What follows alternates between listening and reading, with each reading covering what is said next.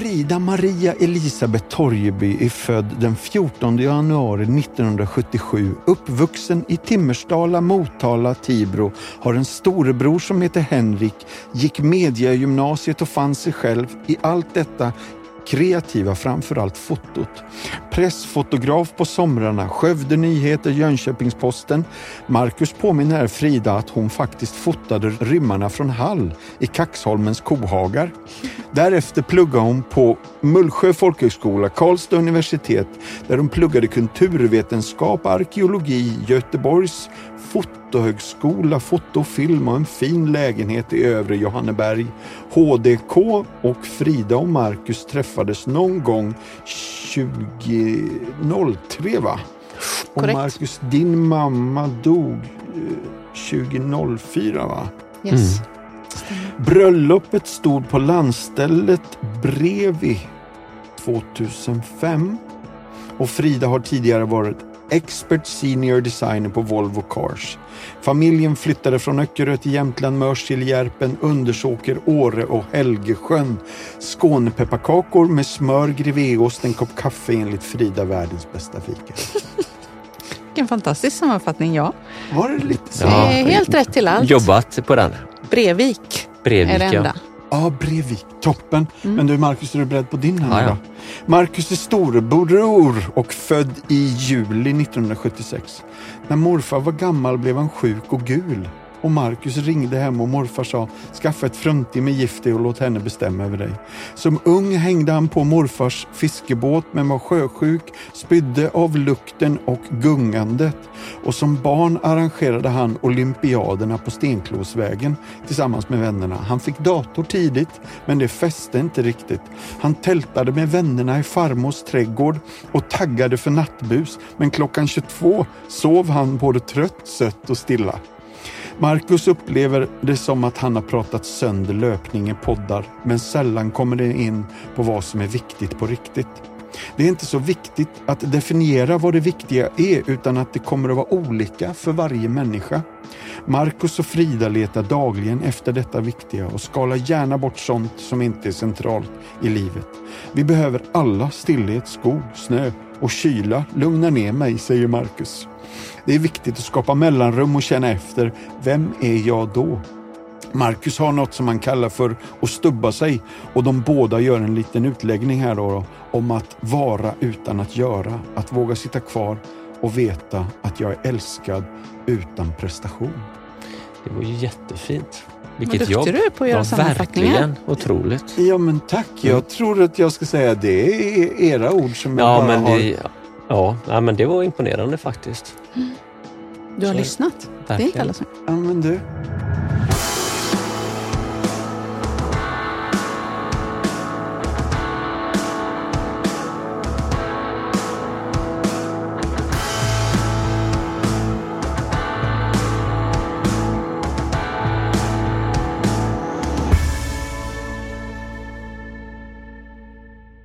Då då är det dags för mig att få hälsa välkommen till Martin som möter.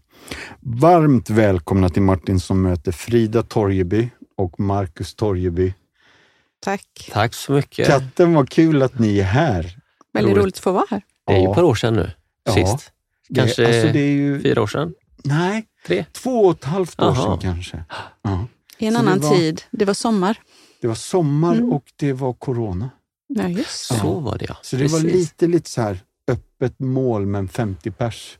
Så. Ja men precis, Ja. så var det. så jag minns att vi på bilden så stod vi lite långt ifrån varandra. Bara för att markera. Men hur, just hur fort den har glömt det skulle alltså vi, Där vi bor i Jämtland så var det inte en stor skillnad, så var det ju inte. Alltså man är ute och träffas ändå. Men det här, eh, ja, Men jag var i ett mötesrum idag där det var markerat sitt här, sitt här, som satt kvar då när man ska sitta varannan Just det. person. och du var det idag eller? Mm, Okej. det satt kvar. Får man en sån påminnelse att det, där är vi inte nu, vad skönt det är. Ja, ja tjena. Hörni, jag vill börja med fem frågor från våra lyssnare och redan när jag säger fem så känner jag jag har fått så sjukt många bra frågor så det kanske blir fler än fem. Du kan köra det hela podden igenom kanske? Ja, men du. Den första frågan måste väl ändå vara till dig, Marcus. Eh, Therese Wirsén Samson, det är ett skönt namn också. Mm, verkligen. Hon undrar hur många stenar, glasbitar, stickor och diverse har du plockat ut från fötterna genom tiderna? Det jag kan säga, det är ju en och annan. Alltså jag kan berätta en faktiskt ganska jobbig grej. Det, kan det vara två år sedan eller? När jag, jag hade Mm, varit i. Älvdalen, alltså i Dalarna och skulle hem. Det var så det är vårvinter och så hade jag mina flipflop och jag tycker det är skönt att köra, även om det är snö ute, är det skönt att köra i flipflop. Ja. Och så skulle jag ut och kissa innan Sveg. Och du vet, bara random gick ut i skogen och så då låg det en gammal slipers, de hade väl ha byggt någon järnväg där. Jag vet inte, men det var en sån bautaspik som var ja, men 20 centimeter lång som jag gick på, som gick igenom foten så jag såg hur skinnet buktades ut på ovansidan. Ja, fruktansvärt jobbigt. Jag, jag tycker det är jobbigt fortfarande när jag pratar om det. Ja. Så det var ju att köra med ett ben till Sveg och så stoppar de in en spruta. Så det är det värsta fotminnet. Att Marcus andra- ens går till vårdcentralen, alltså han kör dit, det, då, då tyder det på att han tänker att det är på allvar. Ja, jag kände det att eh, så. Men, men eh, annars, så mycket har jag Jo, inte. men du har plockat ut små snäckskal Ja, och ja, diverse så, och jo, men det är små grejer. Men det stor var den här spiken. Hur många är nog svårt att svara på kanske för dig. Ja, ja men Ja. det är nog tusentals. Skitbra. Ja, vi fortsätter med en fråga till dig då. Ralf Bjurbo undrar, jag har ju börjat springa mycket och förhållandevis långt med mina mått mätt och fick en intressant och ganska bra fråga för ett tag sedan. Var springer du ifrån? Man vet ju inte hur mycket han springer längre, så det kanske jag skulle frågat förra gången. Var jag springer ifrån? Ja, Var det det som var frågan? ja. Nej, jag springer till. Skulle jag säga. Alltså det går ju inte att springa från sig själv. Och framförallt när jag springer så är jag ju alltid, jag har aldrig någon musik med, jag är ofta själv. Så för mig är det ju att springa in till mina tankar. Det är nog därför jag fortfarande springer. Jag gillar den känslan på något sätt. Ja. Så det tyckte jag ändå ett... Uh, nej, men det känns nog som ett ärligt svar faktiskt.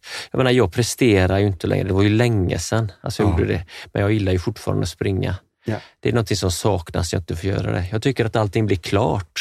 Jag tror att i blodet så finns ju tankar och syre och jag tror det är nyttigt att det får cirkulera med fart och då är ju löpning ett klockrent sätt att göra det på.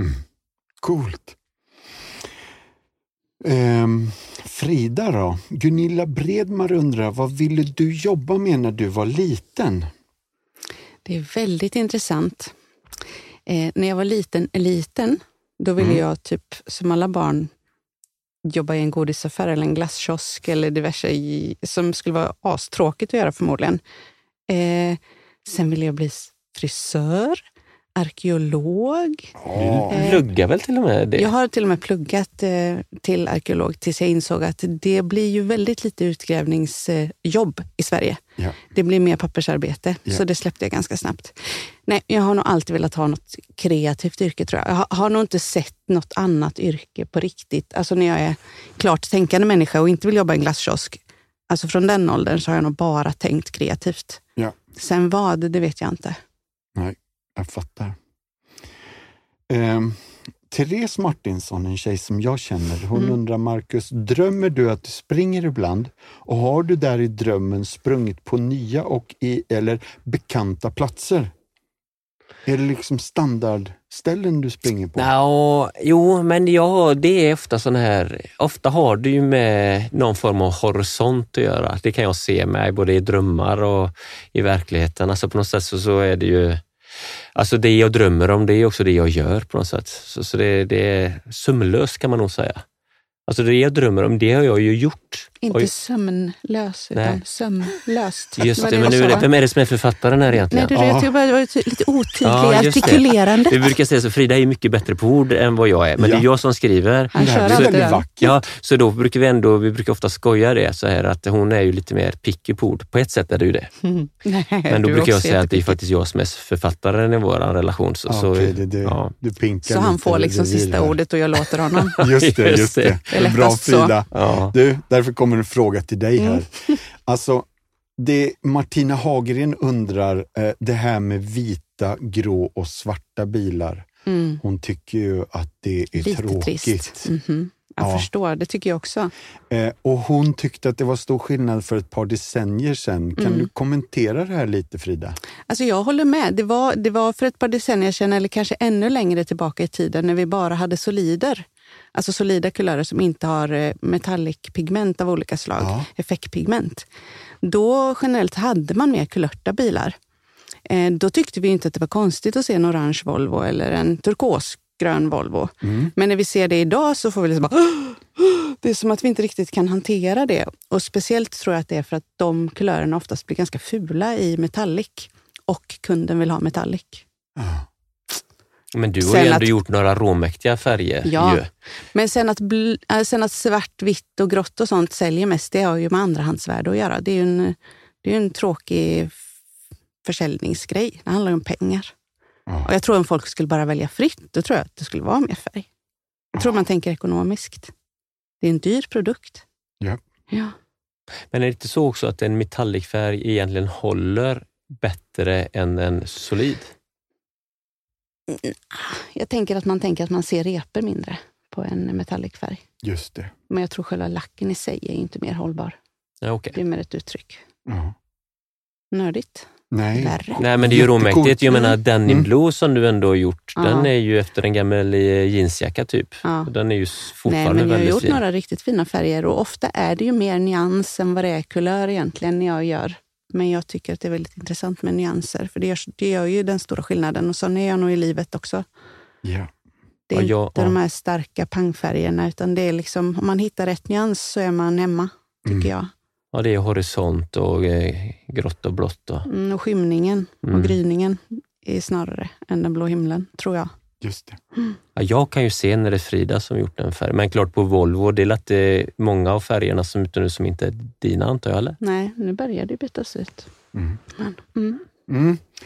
Ulrika Johansson ställer en fråga till dig Frida. Kommer du ihåg någon bok som du gillade som barn och vad Mm. handlade den om och varför gillade du den? Jag kommer ihåg flera. Ja. Men eh, den första jag tänker på får jag ju ta då. Ja. Då är det ett gäng djur. Jag vet inte vad den heter.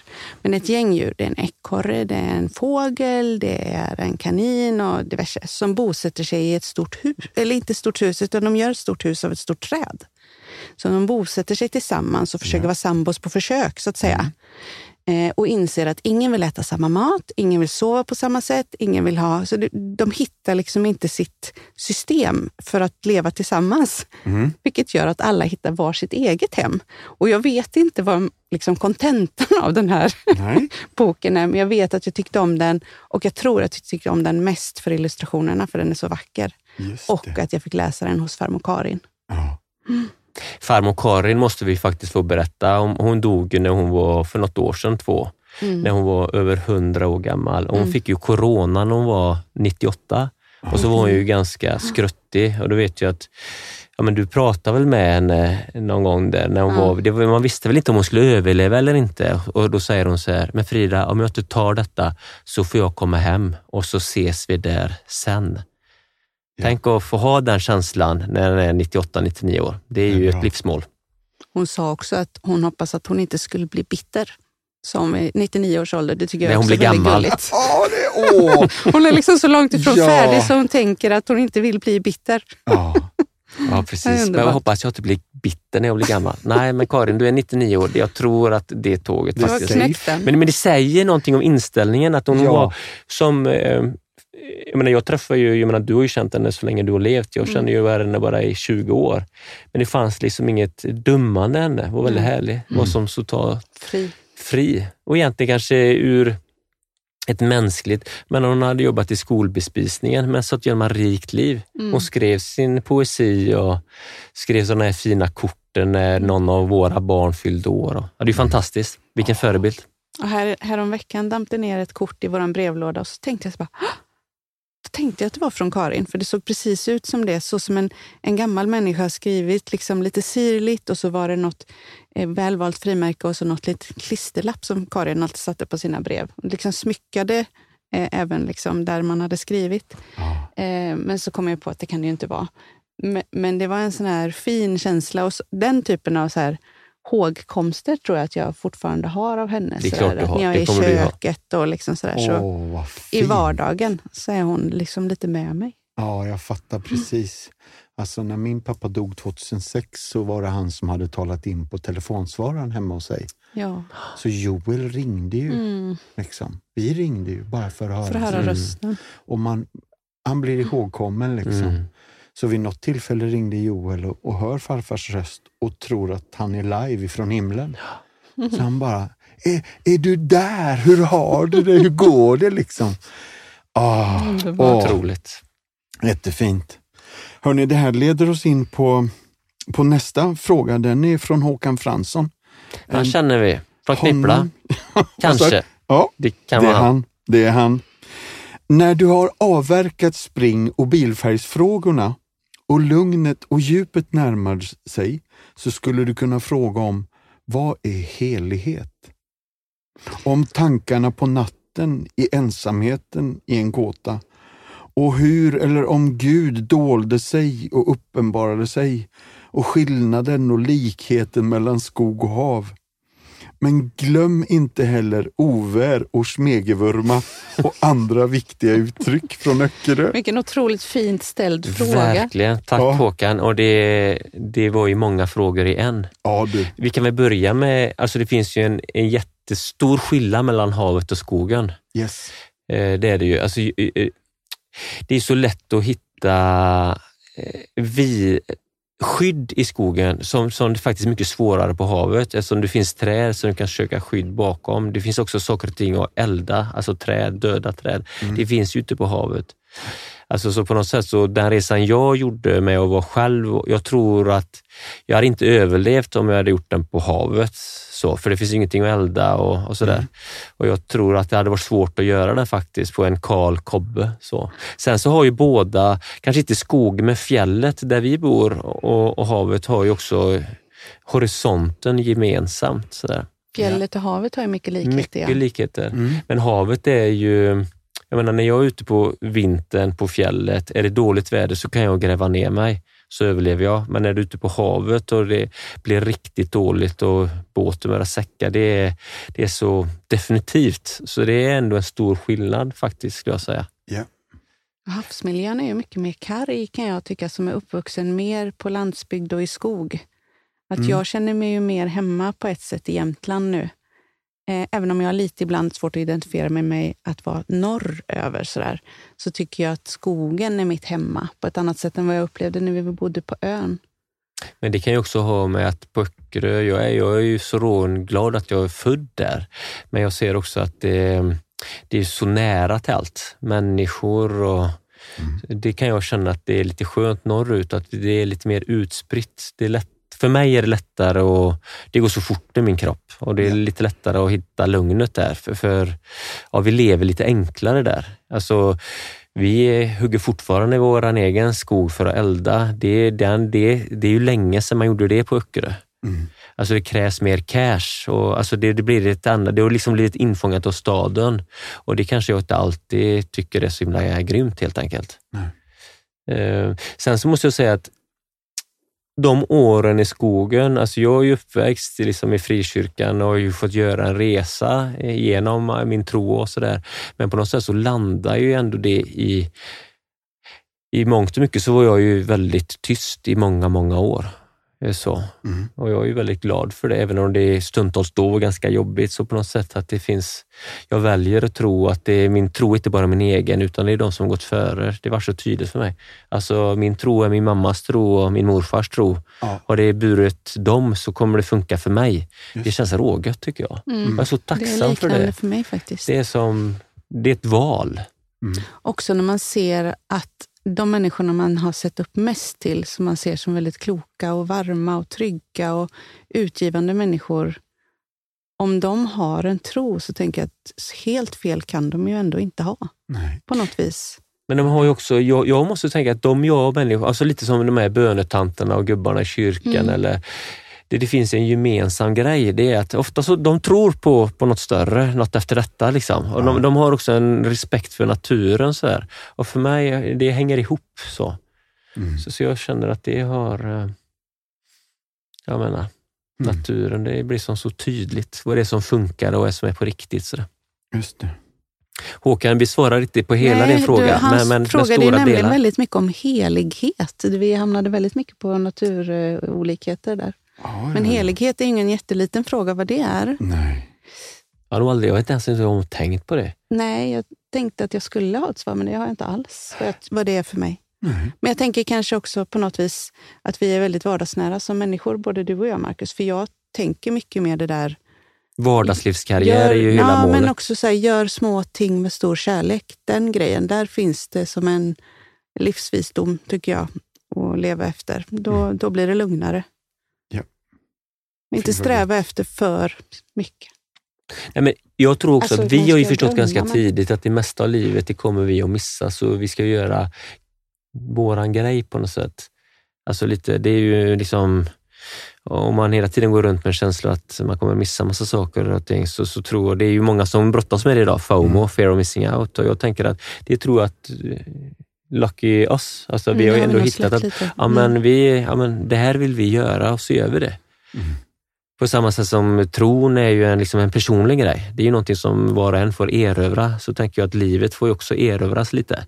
Eh, Ibland så tror jag att man får ställa sig den frågan och sätta sig i situationer där man kan hinna känna och tänka efter. För det är så lätt att det går så fruktansvärt fort. Att man hamnar i baksätet. Ja, Just det. Och så är det här någon annan som- det jag Mm, vill göra. mm. Liksom. Precis. Ja. Och jättemycket i våran ålder tror jag.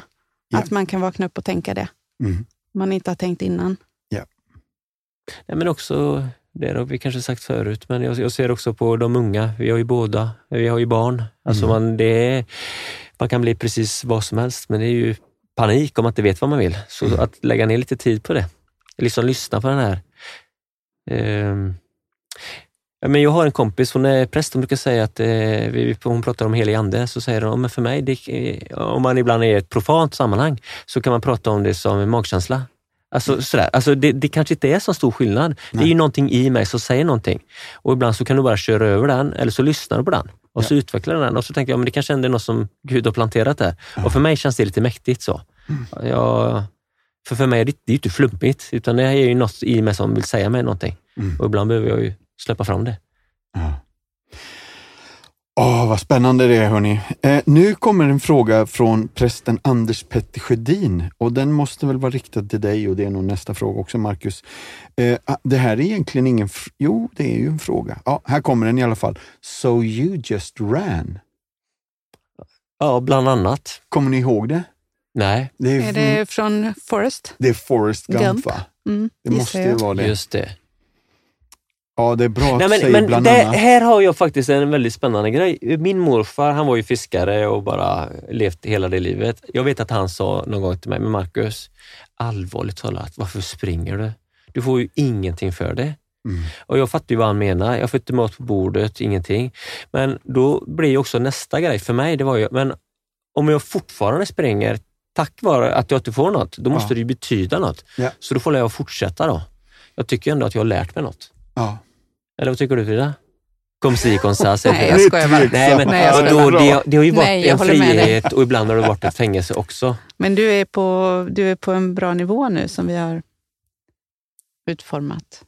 Frida tycker att jag är faktiskt lite bättre nu när jag är lite tröttare i kroppen, jag är lite äldre. Ja. Jag är inte lika hetsig. Alltså inte hetsig som att jag är vansinnig, men att... Och, och jag, Det ja, gör inget att han blir lite, lite, lite tröttare. Nej. Jag fattar. för alltså, jag tycker att jag är en klenis. Men eh, ja, det känns Jag ändå lite fattar. gött. Men var det inte också någonstans den här skillnaden när du kom ner till Afrika och de sprang för vinsten och för pengarna? Jo, men på något sätt, det var det som var det konstiga. De, det, de hade ju mycket mer frihet i sin löpning än vad jag hade. Det var så? Ja, och det var ju det som var så konstigt. Mm. Och, och, och för, för mig så är det så att det hade inte spelat någon roll om jag vann eller inte. Jag har ju ändå mat på bordet. Ja. Medan för dem så var det ju shit, alltså vinner de så kan de köpa en ko och ett hus. Ja. Och ändå så var de mer fri än vad jag var. Det var ju det som var den konstiga grejen för mig. Ja. Men sen när jag kom hem och så fortsatte i skogen och insåg att jag kommer aldrig att bli bäst, för jag älskar det här ändå. Ja. Då var det som att jag, jag... På något sätt så hade jag ju den här tävlingsgrejen som jag förlorade när jag var ung. Som Mm. jag nu faktiskt är väldigt glad att jag förlorade, men jag försökte liksom hitta den ett par år. Mm. Är du med? Mm. Men, men den är ju ingenting att hitta. Nej. Jag menar det här att du ska aldrig vara nöjd. Du ska hela tiden vidare. Ja, men är det något att, att satsa efter egentligen? Det är ju jättekonstigt. Om man zoomar ut lite menar jag. Mm. Åh, kanon. Eh, här kommer en till till dig då. Eh, Marcus. Per Alexandersson undrar, var det Tarahumara och Chris McDougall som fick dig att testa barfotalöpning? Eller kom inspirationen från någon annanstans? Det kom bara från mitt eget. Ja. Så var det. Alltså, jag kan säga att eh, den, den heter ju Born to Run, den boken. Och han som tog den boken till Sverige, det är ju min redaktör Mattias, som Ah. var redaktören för mina två första böcker. Det är en rolig historia. Han läste den boken, Born to Run, i USA Mm. och så tänkte han, men den här kommer ju komma till Sverige snart. Och sen så året efter bokmässan så såg han den inte. Så tänkte jag, men undrar vem som har rättigheterna för Norden? Då var det någon i Danmark som hade det och de danskarna tyckte, ja men du kan få köpa rättigheterna för tusen spänn, för det är ingen som kommer läsa den boken. Mm. Då köpte han de rättigheterna, översatte boken och så sålde den väl i 250 000 extra. Ja. Men, men jag har tänkt de tankarna innan, absolut. Så. Ja. Coolt. Nu är det de sista och nu är vi tillbaka Frida i, i nörderifrågorna här. Och Andreas Wistrand undrar, vilka färger har inte blivit godkända av Volvo då ni jobbat fram förslag? Orangea. Eh, vi kulörta, kulörta, kulörta. Nej, men det är faktiskt eh, när man har känt att, lite så som vi var inne på förut, precis, att förr, lite Mm. längre tillbaka till tiden, då, då var det en, en 140 eller någonting. Det var ju inget konstigt om den var orange eller knallgrön eller det ena eller med det tredje. Men i, i, idag är det mer konstigt för att man vill ha en, jag vet inte, den är mer nedtonad färgskala nu helt enkelt. Ja. Eh, Så, så mycket kulörta färger har jag gjort som inte har blivit eh, plockade. Men du kan väl ha det på en konceptbil till exempel? Kan Absolut. du få någon kulört? Men också burgundy, alltså vinrött. Ja. Det är svårt. Det är ju lite en gubbfärg om man får säga så. Men Du- det går att göra den fin. Men, men det är ändå en, någon typ av rädsla man har i de här bolagen för den typen av färg. Alltså det här leder ju vidare till nästa frågeställare. Det här är så Ja. det är roligt att de har nördat in på det här. Det är Robert Sjödin, Anders Petter Sjödins son eh, och även Pamela Sjödins son. Alltså. Men då säger han, det finns ju en del roliga Volvo-färger som till exempel saffran, laserblå Mm. och faded yellow som bara fanns en kort stund. Mm. Andra Volvo-färger har hängt med i decennier, till exempel 019, Mm. svart 601 röd Mm. eller 601 189 finns det inte längre. Nej, Eh, Men han har rätt på de andra. 019 svart, eh, den är varför göra en ny, säger jag. ja, Det är, det är en solid svart. Ja. Det är eh, också väldigt eh, praktiskt ur ett ekonomiskt perspektiv för ett företag att ha en kulör som har legat kvar längre för då blir kilopriset lägre. Så den kommer man ju inte, kanske företagshemlighet, inte vet jag. Den kommer man väl inte vilja byta ut. Det är ingen som ser skillnad. ja. Och vilken eh, gillar du bäst? Eh, Denim Blue och eh, Pine Grey. Två stycken kulörer jag gjorde som jag tycker är väldigt fina. Och Den den, är Grey blå. är väl lite från en läderjacka va? Ja, den är från min läderjacka som jag hade. Ja, precis. Som jag köpte till dig. Eh, Ja, det kan vi nog ja, säga, okej, Frida. Som du Mm. köpte till mig. Eh, eh, nej, men det, och Denim Blue går ju också fortfarande på Polestar som Midnight. Det är en riktigt fin färg. Mm.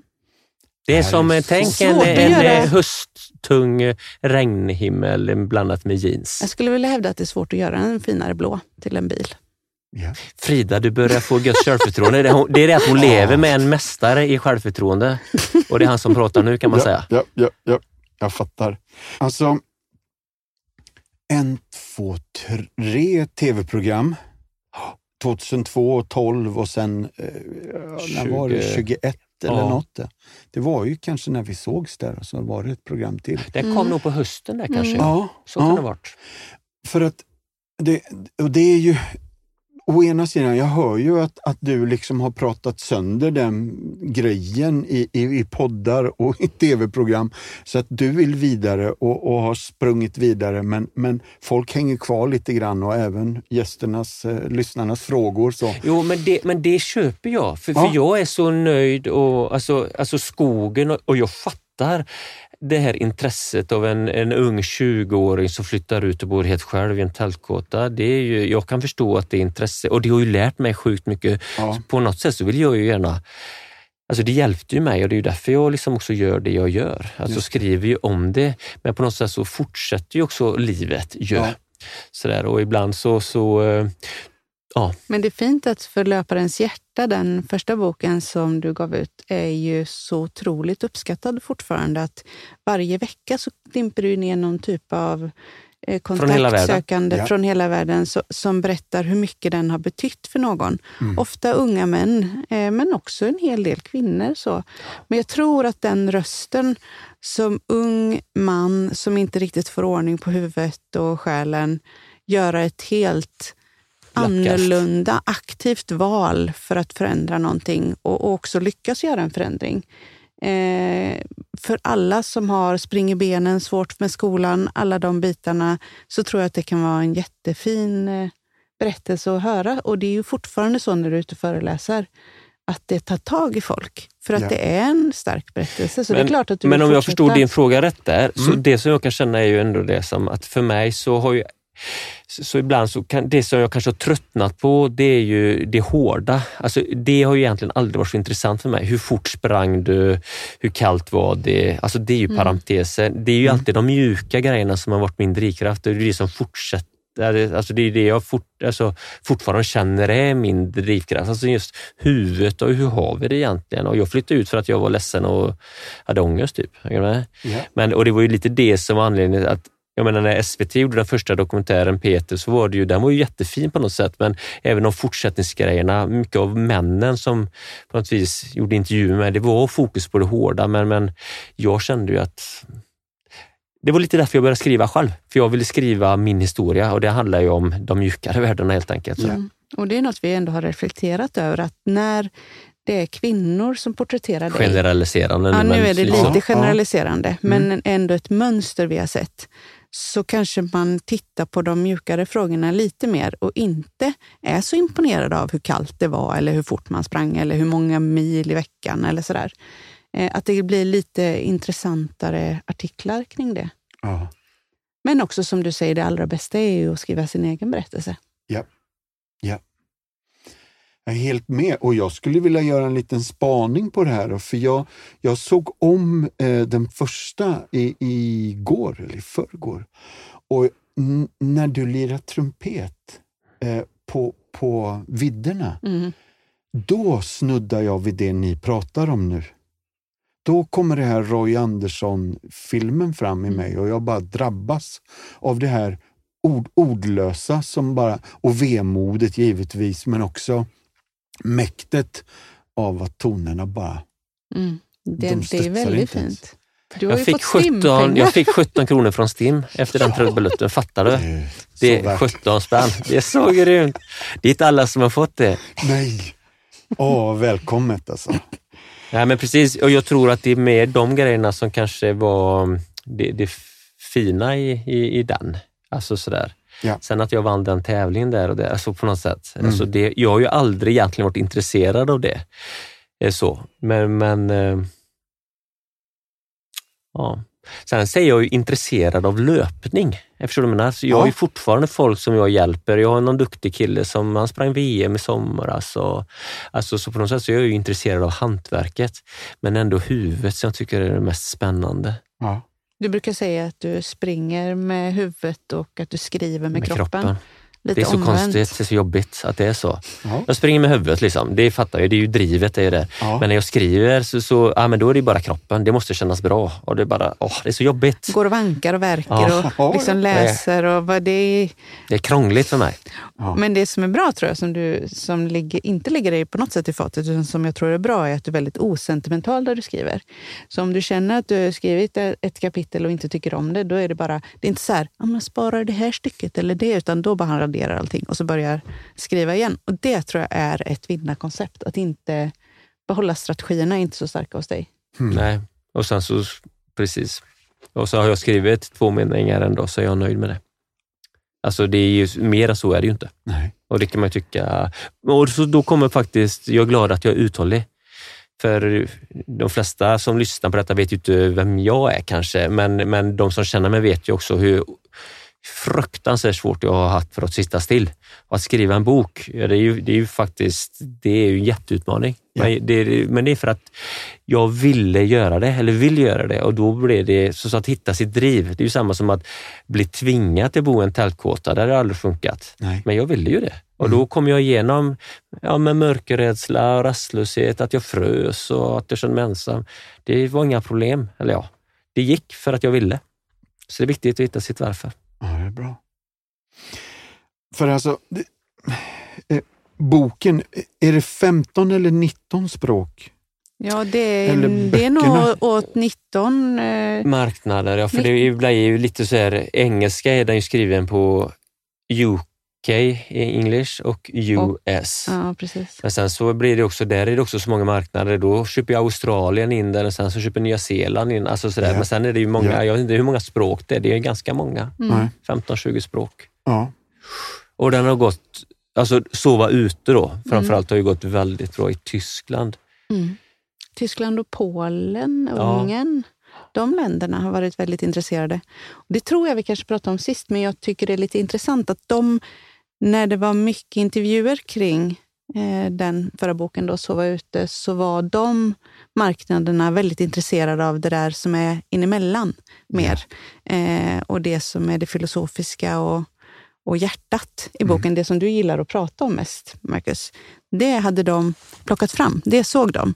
Inte det här tydliga liksom, sova ute, hantverksmässiga. Då. Mm. Nej, men för jag har ju insett, ja, nu kanske vi kommer in på att skriva, men att jag, jag är ju intresserad av funderingar, men jag fattar ju också att om folk ska läsa mina funderingar så får jag ju hänga upp det på något. Och den nya boken, En plats på jorden, handlar ju om ett, vi har byggt en stuga på fjället. Så, så då hänger jag upp det jag funderar på genom byggandet av stugan och då blir det ju lättare att få med mig folk tror jag helt enkelt. Just det.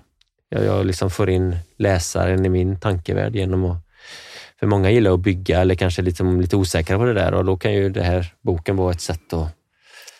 Och så Ja. blir det naturligt att prata om rumsligheter och olika rum som man har varit viktiga för en eh, och som kommer att bli viktiga för en. Och Just det. rum som man bygger tillsammans och barndomens rum. Och Ja, kyrkorummet. kyrkorummet, båten, skogen. Morfars garn, Och, eh, mm. var det Ja. inte något sånt? Va? Jo, han satt där nere också, Hanses rum, där han satt och lagade garnen eller Mm. också på båten, Skansen är framme. Ja. Det tycker jag är en fin beskrivning i den nya boken eh, En plats på jorden, när du beskriver mormor och morfars hus. Mm. Att ju närmare in i hjärtat, desto mer liksom renodlade var liksom fisken och lukterna och att det var varmare. Och ju längre ut eh, från hjärtat, då, köket, Mm. så var det kallare. Eller så. Det är en jätteintressant beskrivning av Mm. ett hem, tycker jag. Och just att på övervåningen hade de aldrig någon TV. Nej. jag tror ens inte att de hade någon radio och hade en sänglampa. Det är ju, tror jag, att vi kan lära oss någonting av idag. Ja. Att man när man sovrum, där kan man pussas och kramas och sen så ska man sova liksom. Ja. Och kanske läsa lite. Och där var det jättesvalt. Ja uppe, visst, va? absolut. Ja. Och det var ju, så var det ju hus förr. Just det. Det var varmt där nere och sen så där man sover där är det lite kallare. Mm. Det är ju helt naturligt. Ja. Väldigt skönt. Och jag måste bara räcka upp handen och säga att jag, efter vårt förra samtal så har jag gjort min läxa och sover med öppet fönster. Och tack snälla Mm. för hjälpen hörni. Vilken grej det är. Visst är det? Ja, ja, ja. Det gör jättestor skillnad. Ja, hjälp. Fantastiskt. Eh, jag har inte byggt min egen stuga, men jag hyr en liten båtstuga. Alltså, inte bara jag, vi. Mm. Och jag var där i morse och kände bara, här ska man ju bo. Mm. Så det är gött. Mm. Hörni, alltså, vi, den här boken har ju legat på bordet hela, hela tiden här nu när vi har pratat En plats på jorden om att bygga en stuga och skapa ett liv. Alltså, den är ju en tjock bok, men du har ju redan konstaterat, Marcus, att det är jobbigt att få till texten.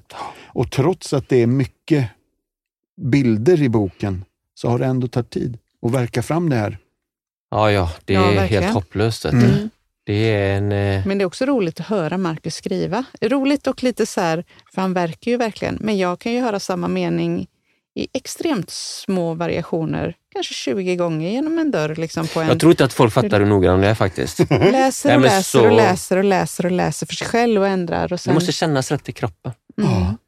Och jag säger inte det att jag säger, jag tycker det är svinbra. Eh, Men, eller det låter så skrytigt, men jag, för det måste, det måste kännas som, om inte jag eh, går igång på det jag skriver, att det känns eh, sorgligt, eller, ja, men då, då, då är det, håller det inte.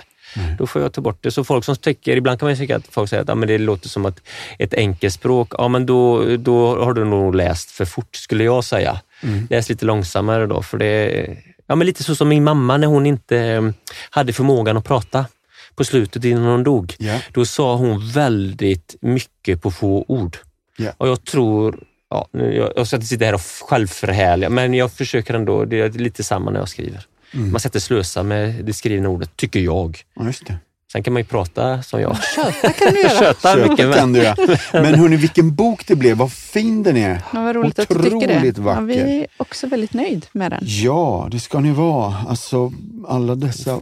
fina bilder. Ja, hjälp Mm. vilka bilder. Men jag måste berätta, Frida är lite faktiskt eh, mäktig ändå. Nu, nu är det så att hon är ju min hustru, hon är ju grym. Mm. Men det är också att jag tror att eh, du fot- jag har ju ändå blivit fotad en del. Du fotar Mm. ju alltid på ett väldigt med enkla medel. Du har en 50-glugg och jag brukar säga, eller jag brukar tänka att fotograferandet, det handlar om rörligheten. Du är väldigt rörlig och då Mm. blir det också närvaro i bilderna. Så är det. Alltså man fotar ju inte bara med ögat utan fotar med kroppen. Det ser jag tydligt på Frida när hon fotar. Att eh, det är inte bara att du står still, alltså, utan hon är verkligen nära. Så, och det tycker jag att man ser Ja. i eh, boken. Och titeln då? Vi bara måste ju. En plats på jorden. Är det någon, har den, eh, finns det någon flört till Lales En stund på jorden? Nej. Inte alls. Finns det någon flört med Petters bok om Koster, En plats på jorden då? Nej. Nej. den hittade jag när jag googlade våran bok. Och det blev så här, nej, va? va? Heter den så? Och det var ju dumt. Men ja, Åke Edvardsson då? Deckaren? Himlen är en plats på jorden. nej. Kanal 8 då? De har ju något tv-program som heter En plats i solen. Är det så? Ja, Ja. då är det mer åt det hållet. Nej, Nej, men vi, vi verkade ju ganska länge på olika sorters eh, rubriker, men den här kom ganska tidigt och kom tillbaka. Jag kommer inte ihåg vad den hette emellan. Men den heter eh, att gömstället, hade men vi. det blir lite negativt. Ah. The Hideout tyckte jag egentligen var lite bättre, för det var lite så jag såg på stugan, att det ska vara ett Just ställe att kunna dra sig Mm. Vi undan hade den till. engelska titeln faktiskt först, så, så i första skisserna, även både bilder och då har jag mappar som heter The Hideout, eller gömstället. Mm. Men sen, precis, ord kan ju få...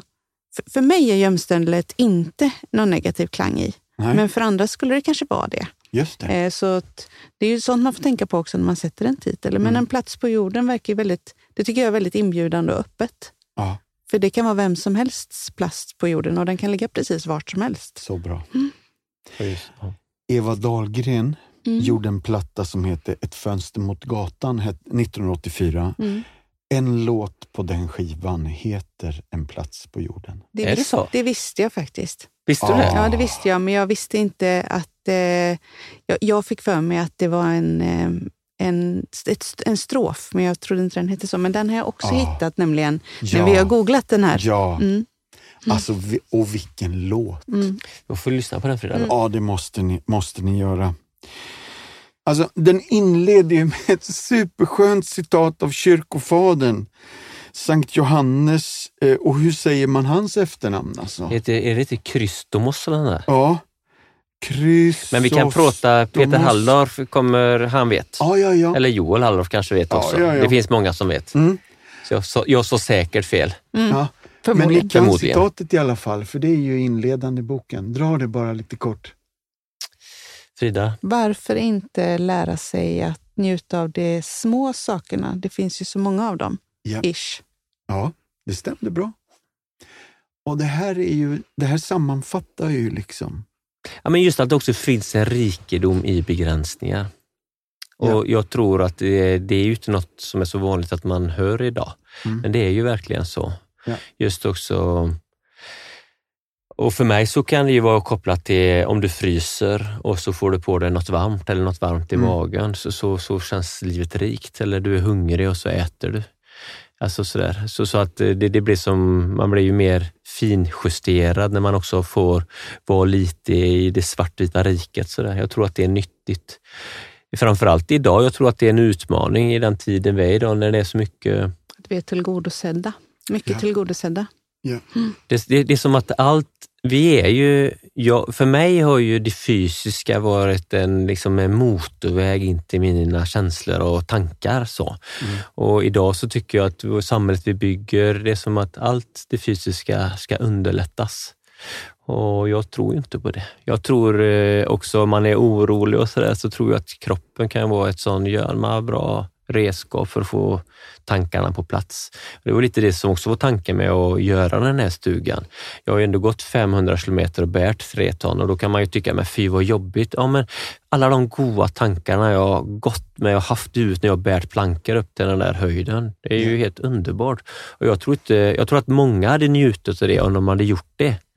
Så, man, man, man vet knappt att det finns och då känner jag att ja, men då vill jag skriva lite om det. För, för jag menar, om du går tillbaka 70 år i Sverige, så vi är bärare, alltså vi människor, det är det vi har gjort. Mm. Ja, det finns något fint där i. Du bär någonting som är ganska tungt och så är det lite jobbigt och så kanske du bara släpper ner det eller står still och så bara blir du tillfreds direkt. Alltså tröttheten försvinner och så, ja men det är något skönt som du kan ta med in i huvudet. Så det funkar för mig i alla fall. Ja. Och Frida, alltså hela boken är ju illus- inte illustrerad, det är massa bilder, men sen är det också massa filmer. Bara berätta lite om Mm, precis. helhetstänket här. Tanken var ju att för att kunna få vara en vacker inspirationsbok, att vi får göra bilderna vackra, vi får göra texten poetisk eller vad man nu ska vara, det som är ditt språk, Marcus, så, så ville vi inte försöka vara för informativa när vi skulle beskriva sig en så här gör du grunden, eh, hur korsmäter man, eh, hur reglar man upp en vägg. Sådär.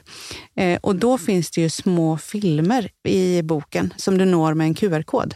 Så är du på grunden, då, då tar du fram telefonen, hittar den här QR-koden och går in och får en liksom film där Mm. Marcus beskriver hur, hur han tänker på en grund. Alltså, eh, och då blev det nästan två timmars filmmaterial som man kan nå Mm. eh, Så det blir boken. behind the scenes som ändå är mycket information. Så du får liksom ett mer, det blir som ett litet mervärde. Och eftersom vi är så väldigt analoga så tycker vi. Det var väldigt roligt att vi, just, jag tror att varenda en kokbok kommer göra så här nästa år. Det är Alltså, jag tycker det är så kul att, jag menar när, när kom, det var väl idén kom ju till mig för två år Ja, sedan kanske. precis. Och sen, men, kan vi inte göra filmer istället? Ja, men Också det för går. att det är ja. så lätt för dig att prata och vi, vi har det lite som ett medium eh, själva när vi alltså, gör grejer till Instagram eller sådär. Att, vi, att jag dyker upp och frågar vad han håller på med och varför och så blir det som en liten, eh, ett eget uttryck som också är lite, det är också lite lättsammare kanske än tonen i, I både texten och bilderna. Just det. Eh, så man får som en, en mer komplett bild kanske. Ja, för jag kan ibland känna att när jag skriver och om man bara läser så tror jag, jag inbillar mig att man tänker att jag är mycket mer allvarlig än vad jag är. Mm. Eh, Så jag är ju mest fjantig liksom, när jag är vanlig. Men det så- finns ju sköna lines Jo, i den jo, här det boken, kanske det finns. Alltså. Jo. Jag gott om Ja, dem. okej, det kanske Ja. Men jag, ibland känner jag att det, det, jag, går, jag gillar det allvarsamma när jag skriver. Ja. Det går lite mer åt det. Ja. Och sen så är det klart det finns eh, grejer emellan. Men då får man liksom både och. Mm. Och det tycker vi är käckt. Ja, superfint. Jag kollade lite på filmerna. Det, ja, det är ju varmt och vackert och innerligt. Och snuddar ju vid den där skönheten med, med de här vidderna. Och då tycker jag vi är tillbaka till Håkans fråga med heligheten. Mm. För den blir synlig där också. Alltså, Precis. Men jag måste säga, en grej som är lite häftigt nu när jag blivit äldre, det är ju att varje gång jag ser någonting vackert nu, så blir det bara finare ju äldre jag blir. Varje gång jag ser en härlig soluppgång så är det som att jag filtrerar ju den genom 10 000 andra soluppgångar. Mm. Ja, det är så häftigt. Mm. Så det är därför jag tror att när man blir äldre så kanske man till slut, när kroppen blir lite klenare, det, kommer, det är lugnt. Det är Jag har lugnt. så mycket inne i huvudet som du bara filtrerar. Jag behöver inte göra det, jag kommer bara känna det. Det räcker att bara gå till Slottsskogen och känna doften av tartanbaran där. När jag är gammal så kommer jag känna, bara, shit vad gött. Roligt att det är det Mm. du tänker Nej men typ så. Tartan Jag tycker det känns lite fint Mm. ändå. För ofta så när man var yngre, i varje fall för mig, så trodde jag att man kanske skulle tröttna på saker och ting. Men jag inser att ja, så är det inte för mig. Mm. Jag gör ju samma grejer nu och det bara blir godare och godare. Ja. Jag springer ju långsammare nu, men jag njuter ju lika mycket utav det. För jag minns också när det kändes lätt i kroppen. Och ja, så, det är Mm. härligt. Ehm, någon artikel i tidningen Dagen fick den här rubriken. Och Det här tycker jag är spännande apropå att folk tycker att du är lite tung, när, eller du själv tycker att du är lite tung när du skriver. Men den här rubriken smäller till. Får du panik av döden så har du en läxa att göra. Precis. Det här... Det är ju hårt. Jag Nej, fick men du- faktiskt, eh, apropå det, jag, jag fick någon som skrev till mig, så med Marcus, det var ju väldigt hårt. Alltså den här kvinnan, hon sa att ja, men jag, jag kämpar för att dra min andetag, min diafragma. Hon hade ALS. Mm. Och så tyckte hon, och jag fattar vad hon menar, men, men jag tror att på samma sätt som om jag är ute och åker skidor och åker över isen, så har jag tänkt innan jag åker över isen, vad gör jag om jag ramlar i? Mm. Alltså, så jag, jag kan inte reagera när jag har ramlat i, jag tror det är för sent då. Och lite så kan jag ändå tänka med detta. För mig har det varit nyttigt att tänka på att mitt liv är ändligt. Ja. Eh, och det har varit sketjobbigt när jag var ung. För jag Mm. började så tidigt att tänka på det, men jag var tvungen till att omfamna det. Mm. Och jag tror att det kommer att bära mig när jag står vid den stunden. Sådär. Ja, du det. började ju tänka på döden väldigt mycket tidigare än de, De allra flesta flesta i vårt samhälle, åtminstone i, i vårt välfärdssamhälle, gör. Mm. Eh, Så du har ju tänkt de tankarna mycket. Vi har ju pratat mycket om döden. Mycket om det. Och inte som ett sätt, ja, det är ju som ett sätt att bejaka livet menar jag. Absolut. Att det Men finns, det eh, står ju också betänk döden. Alltså det finns ju en, det finns ju en tanke med det. Mm. Och, och, det Och men- på något sätt så är det också så att saker och ting vi alla har problem med, enda sättet att bli fri från det, det är att släppa in det. Mm. Det blir ju första steget. Jag, menar, jag, har ju varit, jag har varit mörkrädd, jag har varit rastlös, jag har varit rädd för att dö, jag har varit svinrädd för att bli sjuk som min mamma. Och enda sättet, jag menar, när jag försökte strida emot det så blev det bara starkare. Jag fick bara mer ångest. Och sen så när man inte orkar till slut, eller jag inte orkar och släppte in det, bara, ja det kanske blir så. Då Mm. släppte det. Så jag, jag tror att det är, men jag tror ju också på ett liv efter detta. Ja. Det är ju någonting som jag väljer att tro på. Det känns ju också. underbart. Mm. Mm. Och jag, jag tror eh, sådär. Men det kan man ju kanske känna, för den här ALS-kvinnan har ju en väldigt, eh, inte unik, men ändå en väldigt specifik situation. Och Ja. det du talar in i en mer allmän... Precis, och det, det, var, väl det, det jag du försökte svara. säga, att det, Ja. inte, det handlar mer om eh, efterlivet, pratar du om, döden, Mm. som i att ett slut på detta livet som vi är i nu, Ja. som ett större begrepp, tänker jag. Ja, Det är hon klart hade ju, att hon det- hade ju dödsångest. Ja. Det, Ja. det, Och det kan man ju inte ta ifrån en Nej. människa bara sådär, såklart. Och det eh, finns ju ingenting som... Det, det går inte att förstå förrän man är där, tror jag, till fullt. Det tror jag på också. jag tror det är viktigt att tänka på det oavsett. Men det är oavsett alltså, jag, jag tror ja. att det är Ja, ja, ja. jättenyttigt. Och just då... Sådär. Sen är ju också en rubrik i en artikel är ju en rubrik. Den Mm. är ju för att fånga läsaren, Just för att sen kunna diskutera ämnet lite men jag tyckte djupare. det var bra. Jag tyckte det var bra satt. Liksom. Jag tycker Det- också det. Jag tyckte också det var kanon. Att vi, vi, vi behöver gräva lite djupare. Vi, det är farligt att leva på ytan. Ja, det är ju det. Det blir som bara, det blir som ingen För grund. det är ju ingen som blir fri från det. Alltså Nej. det är ju ingen som slipper. Nej. Det är ju det enda vi riktigt, riktigt vet. Ja. Det är att vi föds och sen dör vi. Mm. Men vi Jo, vet men jag inte tror när att många människor idag, hur. det här med... Ibland så känner jag jag kanske helt fel, men jag, jag tänker Elon Musk och hela det, det skrået där, att vi ska liksom bli så uppkopplade och på något vis kunna koppla upp hjärnan. Det är som science fiction och jag tänker, undrar om de det kanske också är sjukt rädda för att dö helt enkelt. Det är som Mm. att vi, de, för dem är livet bara detta. Och jag tänker att jag vet inte, jag, jag vill inte leva för evigt här. Nej. Jag, jag tänker att det är så. Det är bra. Det är bra. Bykyrkan i Undersåker, Mm. Är det där ni hänger ibland eller? Det, där hänger vi ibland. Ja. Precis. Ja. De har ju en väldigt fin, eh, tycker jag, sätt att driva kyrka i. Att man Ofta så kan man ses där på onsdagar och, och så köper man soppa som någon har kokat i församlingen till en liten Vill du självkostnadspeng och sen är det en liten betraktelse och så kanske barnen springer omkring och gör någonting. Mm. På söndagarna är det ofta på eftermiddagen när gudstjänsten är vid fem så att man kan faktiskt få vara ute i solen på förmiddagen Ja. eftersom man bor i Åredalen och många kanske har den eh, längtan. Och jag, jag tycker det är, det är som att man anpassar kyrkan på ett fint sätt till eh, människors liv. Ja. Sen kan jag sakna de äldre i den kyrkan. Vi, Ja. Det är väldigt många unga. Det är ytterst få av de äldre. Du vet de som alltid strök dukarna och kokade soppan och så. Nu gör ju vi det, vi Just som det. är mitt i livet och har allt det andra också. Och det kan man absolut göra. Men jag Mm. kan sakna det faktiskt. Från Ja, för när jag ser växte tillbaka upp. på min barndom, så jag tänker på Rickard som satt där i ena soffan, eller det var han som hade cementgjuteriet på Mm. Öckerö.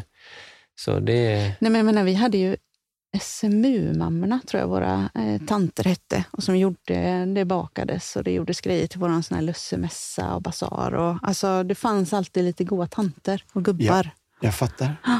Jag fattar. Och ändå tänkte jag att i år borde det finnas ett, ett gött sånt gäng. Men det, Ja, men det gör det säkert, men jag tror att den församlingen är väldigt ung i sig och så, så kan det ju bli ja, ibland. Att, jajamän. mm. Mm. Men det är inte som här, det var ju Boas och Rut, men de är Mm. ju inte med längre. Nej. Alltså nej, det alltså, var, nej, det är, ju, nej, ja, det är inte så det är många. inte så många och så... Ja. ja. Mm. Men vi, vi, vi tycker det, det är bra i, i Åredalen. Det är Ja. lätt att komma in. Det är inget, inte så... Nej, det är väldigt välkomnande. Ja. Ja. Så det blir... Folk gillar att vara ute. Det blir något annat. Lite Mm. så faktiskt. Gött. Och sist vi såg så, så är det en mening som har levt kvar i mig. Kyrkan har världens bästa budskap men världens sämsta uttryck. Det var en skön sammanfattning som också var å ena sidan tuff men å andra sidan sann. Mm. Och väldigt liksom, den är en kondenserad sanning som, som vi behöver jobba på. Liksom. Typ. Vi pratar lite om ibland vad är kyrkans salt idag? Ja. Att vi missar det lite grann, tror jag. Mm. Eh, och, och jag vet inte vad svaret är på den frågan. Nej, Men jag tror att man inom kyrkan behöver ställa sig den frågan. just det. Vi har ju något att erbjuda. Ibland så tycker jag att det är... Jag tror att ibland tänker att kyrkan... Okej, idag, vi, nu ska vi spela hockey här ikväll. Mm. Ja, då vet man ju att eh, då är det det som gäller. Sen när någon kommer med en boll, ja men då är det något annat. Jag kan tycka att ibland så kyrkan kan få vara lite tydlig. Man behöver inte döma någon, men utan det är lite skönt när man vet någon form av, alla är välkomna men det finns ändå ett ramverk att förhålla sig till.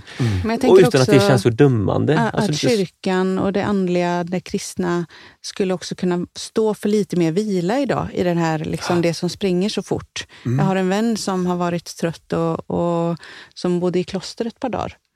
Eh, och hon sa att jag kände mig bara så, så älskad och välkomnad och jag kunde bara ringa på klockan så skulle, skulle någon komma. Att jag visste det. Ja. Och att när jag fick en bricka med mat till min rum på morgonen, då var den jätteenkel. Men det var goda, fina råvaror som någon själv hade skapat. Ja. Och att det var sån kärlek i det. Den typen av omhändertagande och vila i det som är enkelt, som är bas, men som är det vi verkligen behöver. Mm. Där tror jag också att vi är, att, att vila varandra. Kom till mig så ska jag vila dig. Ja, ja men precis. Och just också ju allt mer det går åt AI-hållet så tänker jag att det kommer bara Ja, Hon sa så att det, det var en kanna mjölk på bordet och knäckebröd. Det var det man fick till maten. Mm. Knäckebröd till maten och dricka mjölk. Alltså det kändes så bas. Nu pratar jag väldigt ja. bas, men jag, Ja. jag tror att vi, att vi kan eh, vila lite i det med bas. Och så vila på att det bär tror jag. Eh, Det var Precis, ju det, det som jag hade lite o- panik med när jag, där jag växte upp. Det var ju Ja. lite så av olika anledningar så var det lite så pushigt och jag, jag kan förstå det men, men det, jag tänker också att om, om, man, om man tror på att det finns någonting så, som, så, något stort liksom, så, så, ja men så här då. Jag tänker att kyrkan ska bli som världens bästa curlingföräldrar och med det menar jag inte att sopa utan curling handlar om fart och riktning. Sen så släpper du stenen. Mm. Ja. Jag, jag tror, våga bara lita på att Just detta det. bär, så, så kommer det bli svinbra. Dock är ju ordet curling behäftat med, med Det lite det. andra känslor för Ja, men så- helt annat. Ja. Det handlar inte om sopandet, det är Nej. inte det vi ska göra, utan det är farten och riktningen. Ja. Det här tror vi på, vi- Det åt bra. detta hållet. Och sen så släpper du det, för det är också en personlig grej. Jag Mm. är min sten, liksom. jag har ett ansvar för mitt liv. Mm. Det är en personlig tro liksom, och det är inte någonting som du bara kan... Sen kan jag ändå känna att min tro är min mammas tro och min morfars, absolut. Mm. Men ändå min. liksom. Mm. Sådär. Mm. Det är den, eh, Ja, det är bra det här. Alltså, någonstans var det någon som har sagt att ni kör föreläsningar om att sova ute för att få frid inne. Också sån här bra sammanfattning. Ja. Mm. Kanske. Jag, jag tror ju som så här, jag kan känna som det som jag, jag kan tänka ibland att eh, det, det handlar ju bara om att sätta människor och sig själv i ibland en liten annan kontext och i en annan miljö. Så, så, så är det, och oftast tror jag ju, bara genom att du är ute och ibland sover under stjärnhimlen så är det någonting som sker. Ja. Det blir som en stjärna, det blir som utsikt, insikt på något sätt. Så, så behöver du inte krångla till det. Nej. Det är inte ungefär samma som så här. Om, när det, om man skulle ta så som en liknelse. Då. Jag gillar ju att springa och så ibland kan jag få folk som frågar, ah, men jag skulle vilja jobba på min löpteknik. Ja, det är ju jättebra. Men om du tränar en gång i månaden så spelar det ingen roll. Vi kanske ska börja springa tre gånger i veckan så vi har någonting att hänga upp din Mm. teknik på.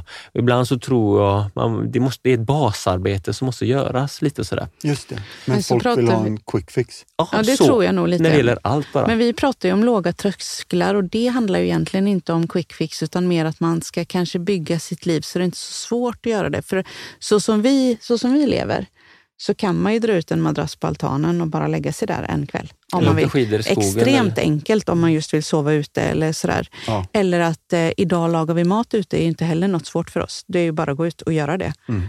Eh, och det tycker jag ger något i vårt liv, att ha den närheten till utet. Så att säga att, Ja. att gränsen mellan ute och Ja, inne försvinner lite. eller vi är ju ingen friluftsfamilj, Nej, vi är men vi är ute det. sjukt mycket. Eller så Ja. du menar, för att det, Mm. ena är, det är så man lever menar jag. Mm. Men ofta så blir det mer att det blir det här facken. Ja, men jag, eh, man sätter på sig friluftskostymen. Så och det kan jag förstå om man bor i en miljö som är lite längre ifrån den miljön Mm. vi bor i till Mm. exempel. Men just låga trösklar.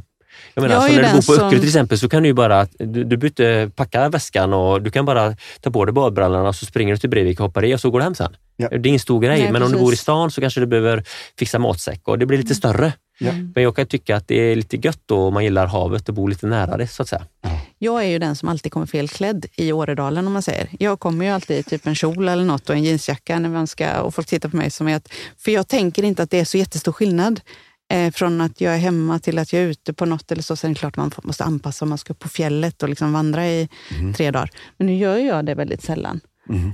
Eh, Så, så jag tror nog mer att om man låter det styra för mycket, vad man har eller inte har för grejer, eller vad man, om man inte har vandringskängor så kan man inte gå, men man kan ju faktiskt gå i stövlar. Yes. Det är jätteenkelt. Ja. Eller barfota, det går Eller skitbra. barfota. Ja, bra. Eller flipflop. Flipflop ja. Trampa på sten. Stig. Det går jättebra att köra Spik. bil i flipflops. Ja, Eh, jag måste bara, vi lever för mycket i ljuset, det är därför nätterna blir så oroliga. det är faktiskt, om jag får säga det själv, eh, av den, eh, den, den är från den nya boken. Ja. Det är den texten som jag nästan är mest nöjd med faktiskt. Jag Mm. var, den, Den skrev jag så fort. tidigt, Mm. många år sedan. Att jag, jag, vi var ute på skidträning med, med Helga och så åkte jag hem i mörkret och så när jag såg Åre, jag var så upplyst och så kände jag att jag blev ledsen. För jag Ja. kände bara liksom att allt det ljuset tränger bort Ja. mörkret och det var i mörkret jag hittade någonting inom mig som jag fortfarande bär med mig. Mm. Alltså ibland det blir lättare att gå inåt då. Ja. Och ljuset blir också en symbol hela tiden för att vi gör någonting. Mm. Ibland så tror jag, i, i kyrkan kanske man pratar om mörkret så, som något negativt menar jag. Men, men alltså rent att få vara där i, jag menar du, du kan ju se en lampa väldigt långt bort när det är mörkt runt omkring och det är lite häftigt. Saker och ting blir tydligare helt enkelt. Ja. När jag gick till skogen och var mörkrädd, om jag hade, en ficklampa då, då såg jag ju bara det som ficklampans sken lät mig se. Mm. Men direkt jag försökte titta utanför ficklampans sken så var det helt kolsvart. Släcker jag ficklampan, då helt plötsligt, så i början blev man lite så här, man ser ingenting, men sen efter ett tag så ser du träd hundra meter bort. Du ser liksom så här stjärnljus, alltså, så det blir något annat. Jag tror att det är supernyttigt. Och jag tänker hur mycket vi ändå lever i ljuset idag. Jag tror att det gör något rent fysiologiskt med oss. Mm. När du aldrig får se stjärnhimmel. Det är ju helt skandal. Ja.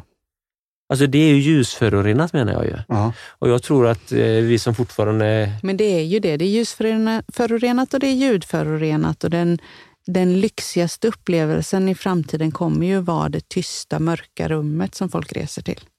Och där har ju kyrkan en supergrej skulle jag säga. Yes. Alltså så.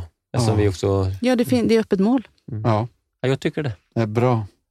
Ruskigt bra. Nu måste jag bara, vem är vandrande döden? Men det var, jag var i Kandorn på Öckerö och så, jag har en kompis som bor där. Det var Jörgen Utbult som berättade för mig. Det var ju en gubbe på, eh, Ja. på andra sidan sundet, där det är Hönnerö, som jag förstod Jörgens mamma visste vem jag var, så det var inte allt för länge sedan han levde. Men han eh, söp väl, som jag förstod, hade problem med det där. Han var ute med mackelgarna, makrillgarna. Det var dåligt väder, han kom inte hem. Och alla tänkte att han är la död då. Mm. Och så begravningen fixades och sådär. Och sen sju år senare kom han hem. Då hade han bara tröttnat på allt och drog typ till Irland eller Skottland och så stannade han där och bara levde sitt liv. Och sen så bara, ah, nu får jag åka hem igen. Och så, så då vart han kallad vandrade döden. Du, det är ruskigt gött alltså. Ja. Men det är så. Öbo också. Det är så Öbo, ja. Ja. Men jag måste få berätta världens underbaraste historia. Det här är ju en gubbe på, som lever på Fotö. Han eh, gjorde ju, som jag hörde nu för ett tag sedan, han gjorde ju en plastbåt på Hamna. Typ sex meter lång. Satte på en 100 hästare, köpte 50 kanelbullar på Alex bageri Mm. och 100 liter vatten. Och så körde han själv med den öppna båten hela vägen ner till Madagaskar. Tänk, 95 var detta. Jag gjort. Alltså fattar du den grejen då? Alltså så det finns ju folk på öarna, de är underbara faktiskt Ja. på många sätt. Så, så även om de kanske pratar lite hårt så är det mycket, det är mycket det där ordnar sig, det är ingen fara. Vi kör på bara. Ja. Madagaskar är långt bort vet du. Ja. Själv också bara. Öppen båt, 50 bullar. Det är ingen Ja. fara, säger Det är Marcus. ingen fara. Och då känner man att man får dra öronen lite Ja, när jag till säger sig det ibland. så är det läge att hålla sig undan. Då är det på gränsen. Nej, det är ingen fara, vet du. Det är bra.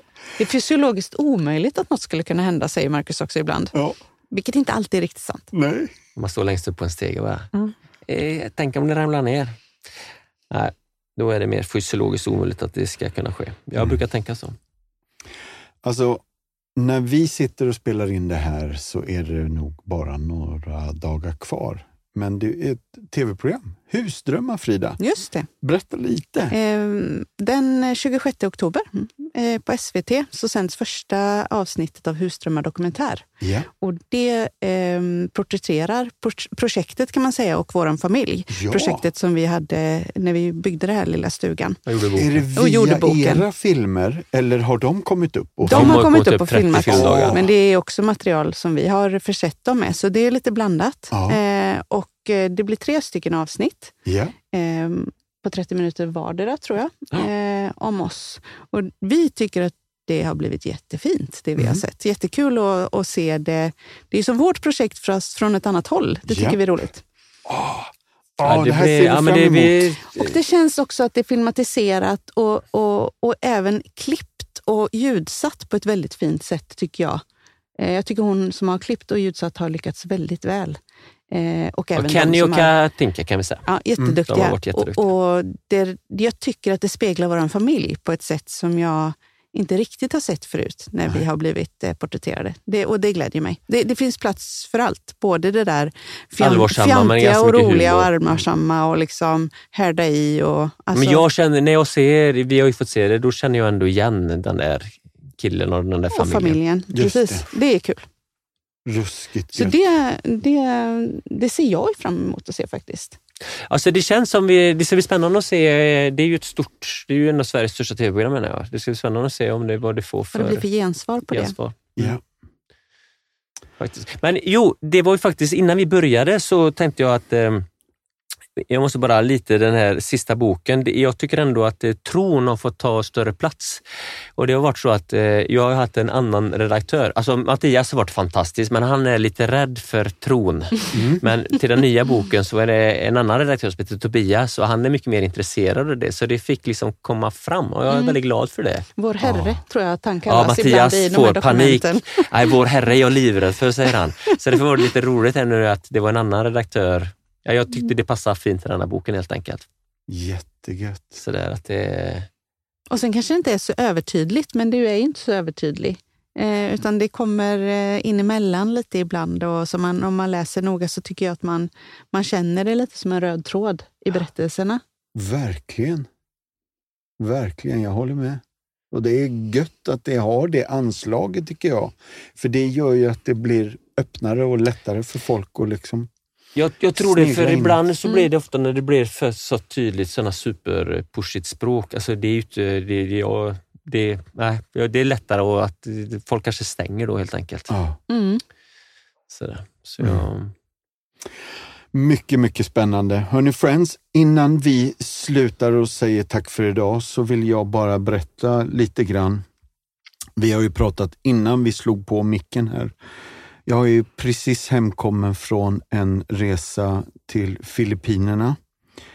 Efter att ha jobbat på Compassion i tre och ett halvt år under corona och med allt vad det har inneburit och utreseförbud och inte möjligheten att komma iväg så har jag äntligen varit på plats i åtta dagar. Jag har varit på en liten, nej ingen liten, en stor ö som heter Cebu som ligger en bit ner i liksom Filippinien. De har ju 7000 öar och på Cebu, i staden Cebu så bor det kanske nu drygt en miljon människor.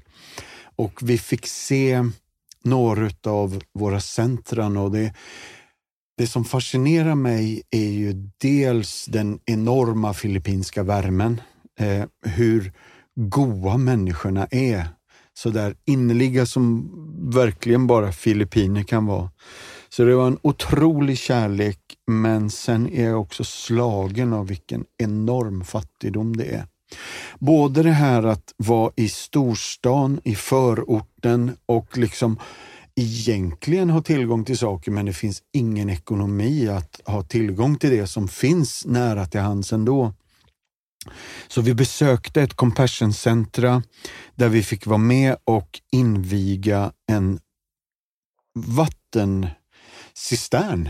De har tre stycken 1500 liters eh, tankar på, uppe på taket och sen en fjärde en bit bort. Och så har de då dragit vatten ifrån en brunn eh, som de har borrat och när vi var där så ville de att vi skulle inviga den med dem. Och då är det bland annat en kvinna där som heter Esmeralda och eh, hon berättar sin life story. Och jag förstod att hon kanske till synes var någon av de lite äldre kvinnorna i gruppen och de andra såg mycket upp till henne och sådär.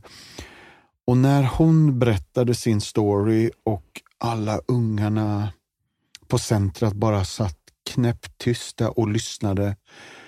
Och det är en sån hjärtskärande för då presenterar hon sig och ni känner ju till mig och bla bla bla till barnen och sådär. Jag är mamma till, till Mike. Um, men vad ni kanske inte vet var att, att tyfonen tog ju vårt hus för två och ett halvt, tre år sedan.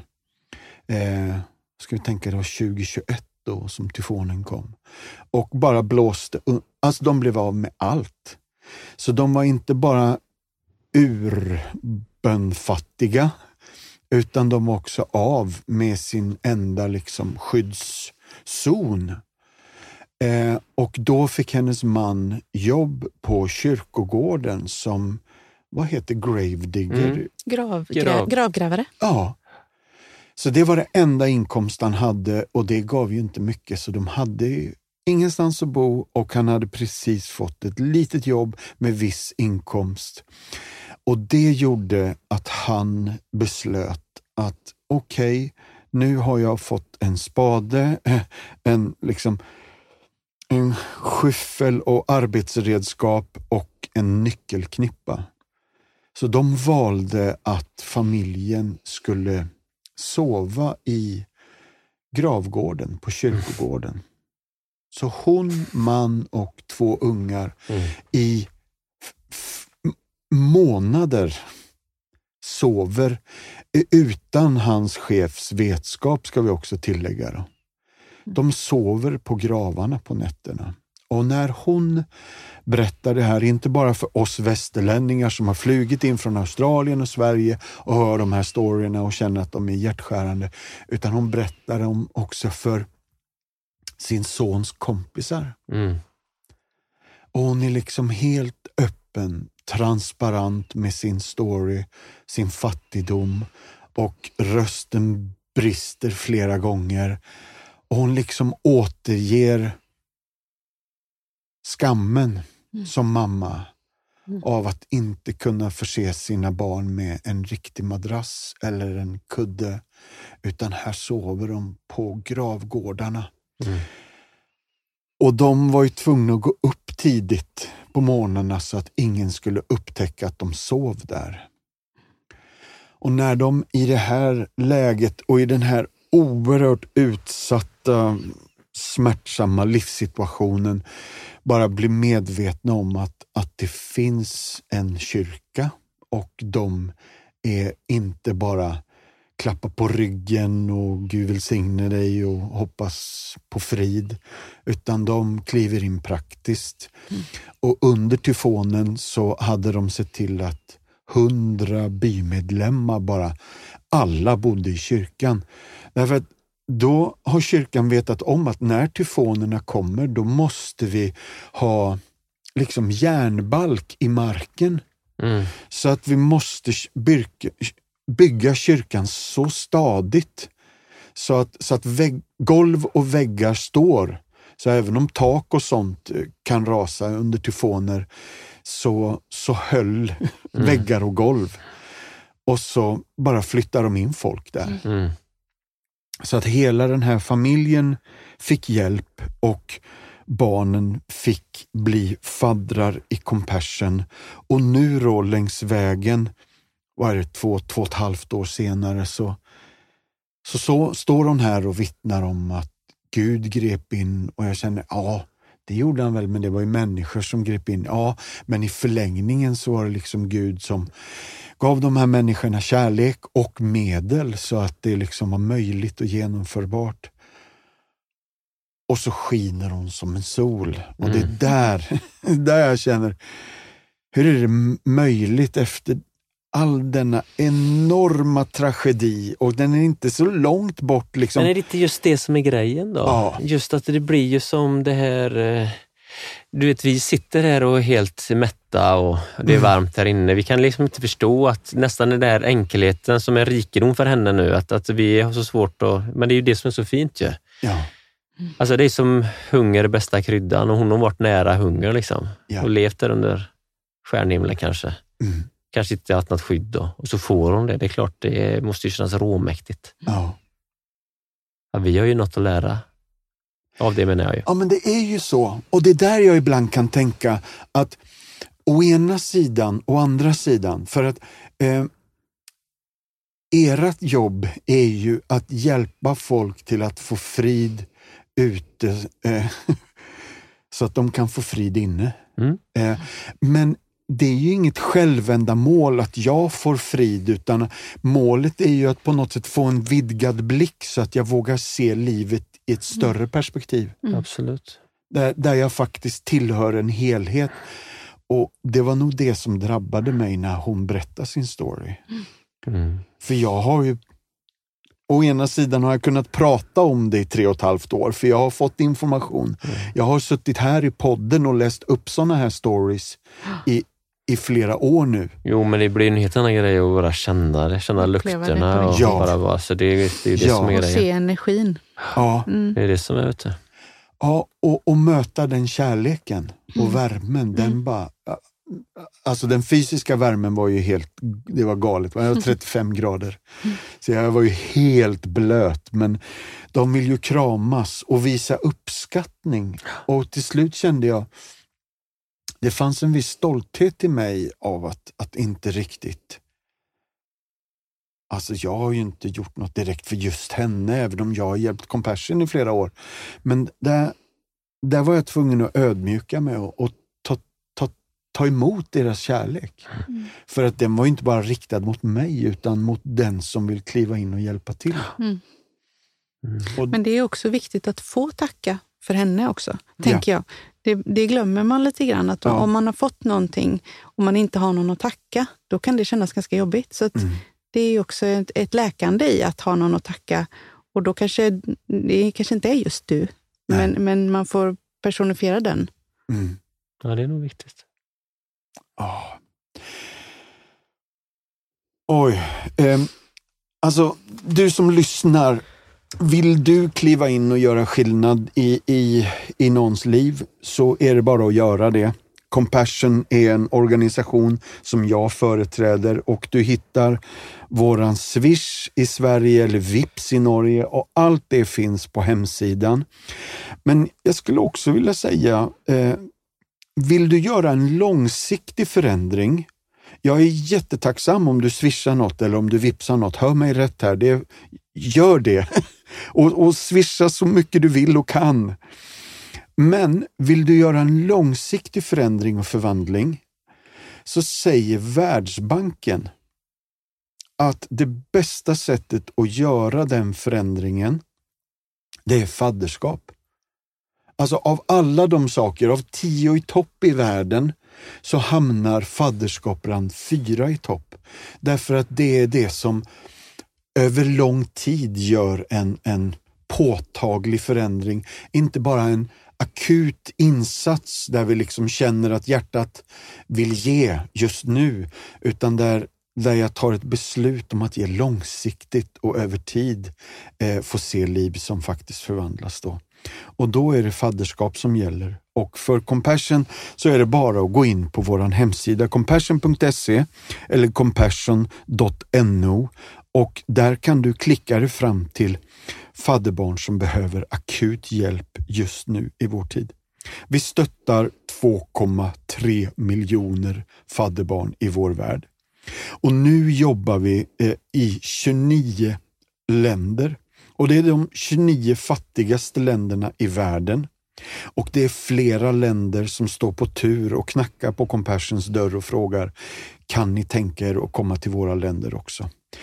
Men allt det här hittar du på vår hemsida compassion.se eller compassion.no. Eh, Marcus, du har ju varit i Afrika och jag undrar, har du sett någonting av det här first hand? Absolut. Är det så? Ja, ja. Men bara berätta lite. Nej, men vadå, det var ju, det var ju också där jag verkligen fick närkontakt med döda människor. Alltså sådär, det var ju Ja. första gången när jag var i Tanzania där. Mm. Ja, men jag skulle nog, lite så som du beskriver, eh, de, de jag bodde med, de var ju löpare och vissa av dem hade det ganska bra. Men det var ju ganska många som var fattiga runt omkring. Alltså Ja. sådär, så var det ju. Men jag skulle säga vita leenden, glada människor Ja, med små medel ändå. Så det var ju liksom inte... Där, de, där jag var i Tanzania, där är ju väldigt bördigt. Alltså sådär. Så, så det känns inte som det fanns den fattigdomen sådär. Så som, det- som, ja, jag vet ju inte hur det var där du var, men det du beskriver så Ja. känns det ändå som att det, det kanske ändå var en skillnad. Sådär. Men eh, jag vet inte, det, är så närmare på något sätt till allt. Ja. Alltså, jag, jag vet inte, för mig så var det nog ja, lite så det som vi pratat om innan. Där. Alltså, döden var som så närvarande. De pratade om det på ett helt annat sätt. Det kändes som att de var mycket mer avslappnade. Mm. Sådär. Sen hade jag lite svårt att vara där, för jag blir ju specialbehandlad. Det är ju så. Mm. Jag är ju Ja. musungo, Ja. vit liksom. ja. Det är ju deras sätt. Så Ja. Det är ju jättefint, men, men jag vill ju mer känna att jag var en av dem. Men lycka till, jag är vit och de är mörka. Liksom. Jag är en halvt huvud längre och bara 10 kilometer. Ja, men du vet, Mm. det är sådär. Men jag tyckte ändå, jag menar, delar ju ändå säng där. Sov bredvid Naftal i ett halvår. Det var ju Mm. mäktigt sådär. Mm. Ja. Men eh, jag är så tacksam för att jag faktiskt bor i Sverige. Ja. Det är helt otroligt. Ja. Och det är så. Vi får dela med oss av vårt överflöd. Verkligen. Jag menar, maten blir ju inte godare när man är mätt. Liksom. Alltså på något sätt så är det det. Mm. Det är den här eviga balansen. Och just också det vi känner nu när man ser liksom att skillnaderna ökar och det är ju inte tricket. Liksom. Alltså det är inte det. Ja, det är, vi får dela med oss. Det är inte svårare än så. Nej. Men, men är det helt annan grej kanske när det var Tanzania? Det kunde jag ändå känna. Ibland kan jag känna som så här, men om vi i Sverige, herregud, vi bor ju för katten på Nordpolen. Om vi kan få det att funka. Jag menar, i Tanzania, det var ju så bördigt så, att, så, så på något sätt så är det ju någonting som gör att inte varför har vi det så himla bra och de hade det tuffare? Alltså, Det var ju också en tanke jag hade. Det Ja. räckte ju bara att kasta ut ett bananskal så bara växte det ett bananträd där ett halvår senare. Det är ju helt otroligt menar jag ju. Ja. Alltså här har vi ju bara minus 40 på vintern. Och, alltså så det är ju någonting som har gjort det. Är det det att det var så hårdare för att bara överleva här på grund av, av vädret som gjort att vi har bara fått steppa in? Eller liksom, förstår du? Alltså lite så tänkte jag ändå. Mm. Ja, men det kanske är förmätet att, tänka, men lite så kände jag att det, de har ju sådana fantastiska förutsättningar. Mm. Alltså just hur bördigt det är, hur mycket det växer. Ja. Alltså så, där, så, så det är ju det är någonting som, som ska ändras. Liksom. För allting finns ju där. Alltså naturrikedomar och men det är ju liksom systemet. Och jag måste säga att som jag förstått det så var ju ändå Sverige ett av Europas fattigaste länder 1910. Det är inte länge sedan. Nej. Men man slutade supa helt enkelt. Nykterhetsrörelsen, Levi Petrus kom, kvinnlig rösträtt, man släppte fram. Man började fatta att vi måste bygga underifrån. Ja. Alltså skola, sjuk, alltså de grejerna, det är ju det. Allt Det är det, där som du vi bygger ett lite stabilt- tar för Mm. givet idag som de som gick före oss har arbetat fram. Mm. Som vi det. får vara varsamma med nu så att det inte försvinner. Ja, men precis så att man inte bygger ett samhälle som blir som en muskelknutte med stor överkropp och tunna ben. Alltså på något sätt så bygger man ju ett samhälle med starka ben. Ja. Och det är väl lite det som man måste in där det får effekt. Liksom. Ja, men det är väl där, där utbildningen kliver in. absolut. Att faktiskt att förvandla kids liv genom att ge dem en utbildning, ge dem en hjälp. Det Och ge dem liksom- tankar liksom. Att, Ja. att det här, så, så att man inte, för det är ju lite det det är. Det är ju det vi kan skicka med. Alltså för, för jag menar, det, det finns ju alla förutsättningar menar Ja, jag. och jag Ja. menar det du inte har sett som barn, du vet ju inte riktigt finns. Vad- Det du vill bli måste du kunna se någon vara. Just så att säga. Det tror jag också är... Jo, men ibland kan jag ju känna som så här att det är ju så lätt för oss att säga ibland att vi, eh, ja men oss- ibland kan man känna Ja men det, det är så hemskt de har, de har nå- något plåtsju, alltså i Tanzania. Men, men, men så kände jag inte att de kände. Nej. För de bara, men det är ju varmt här, jag behöver inte ha någon tjock isolerad vägg. Alltså det är inte på det sättet, jag tror inte det är att alla ska ha mobiltelefoner, eller, det är ju inte det vi snackar om här. Nej, Utan det är ju liksom bara basgrejerna. så. basgrejerna. Mm. Det är så stora frågor känner Ja. jag, så jag vet inte ens, jag snubblar på min tunga vad jag ens ska försöka säga kring Ja. detta. Det är ju ett jätteämne. Ja. Jag har en kompis i Uganda som heter Richmond Bandera. Och när han var tio år så var det någon som sa Richmond, jag älskar dig och han replikerade varför då? Liksom, Mm. vad är kärlek? Vad menar du?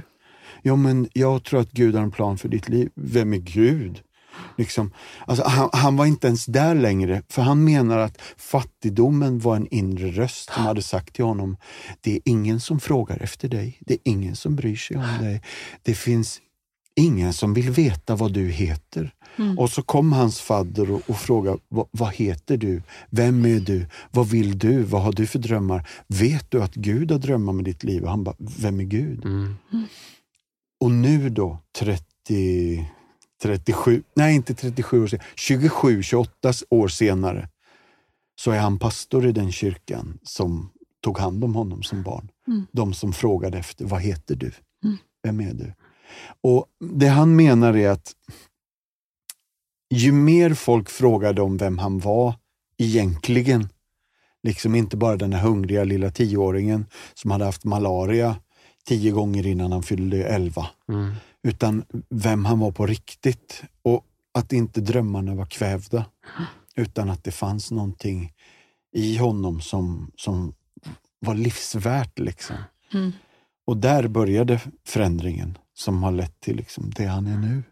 Ja men det är det, tankarna. Det är, Ja. det är sluttande plan både till något som är väldigt positivt eller något som eh, kan bli väldigt negativt. Alltså Men är- också om man inte har sina basbehov fyllda, då har man inte utrymme för det andra. Nej, Och det är ju där väldigt många av de här människorna som vi pratar om är.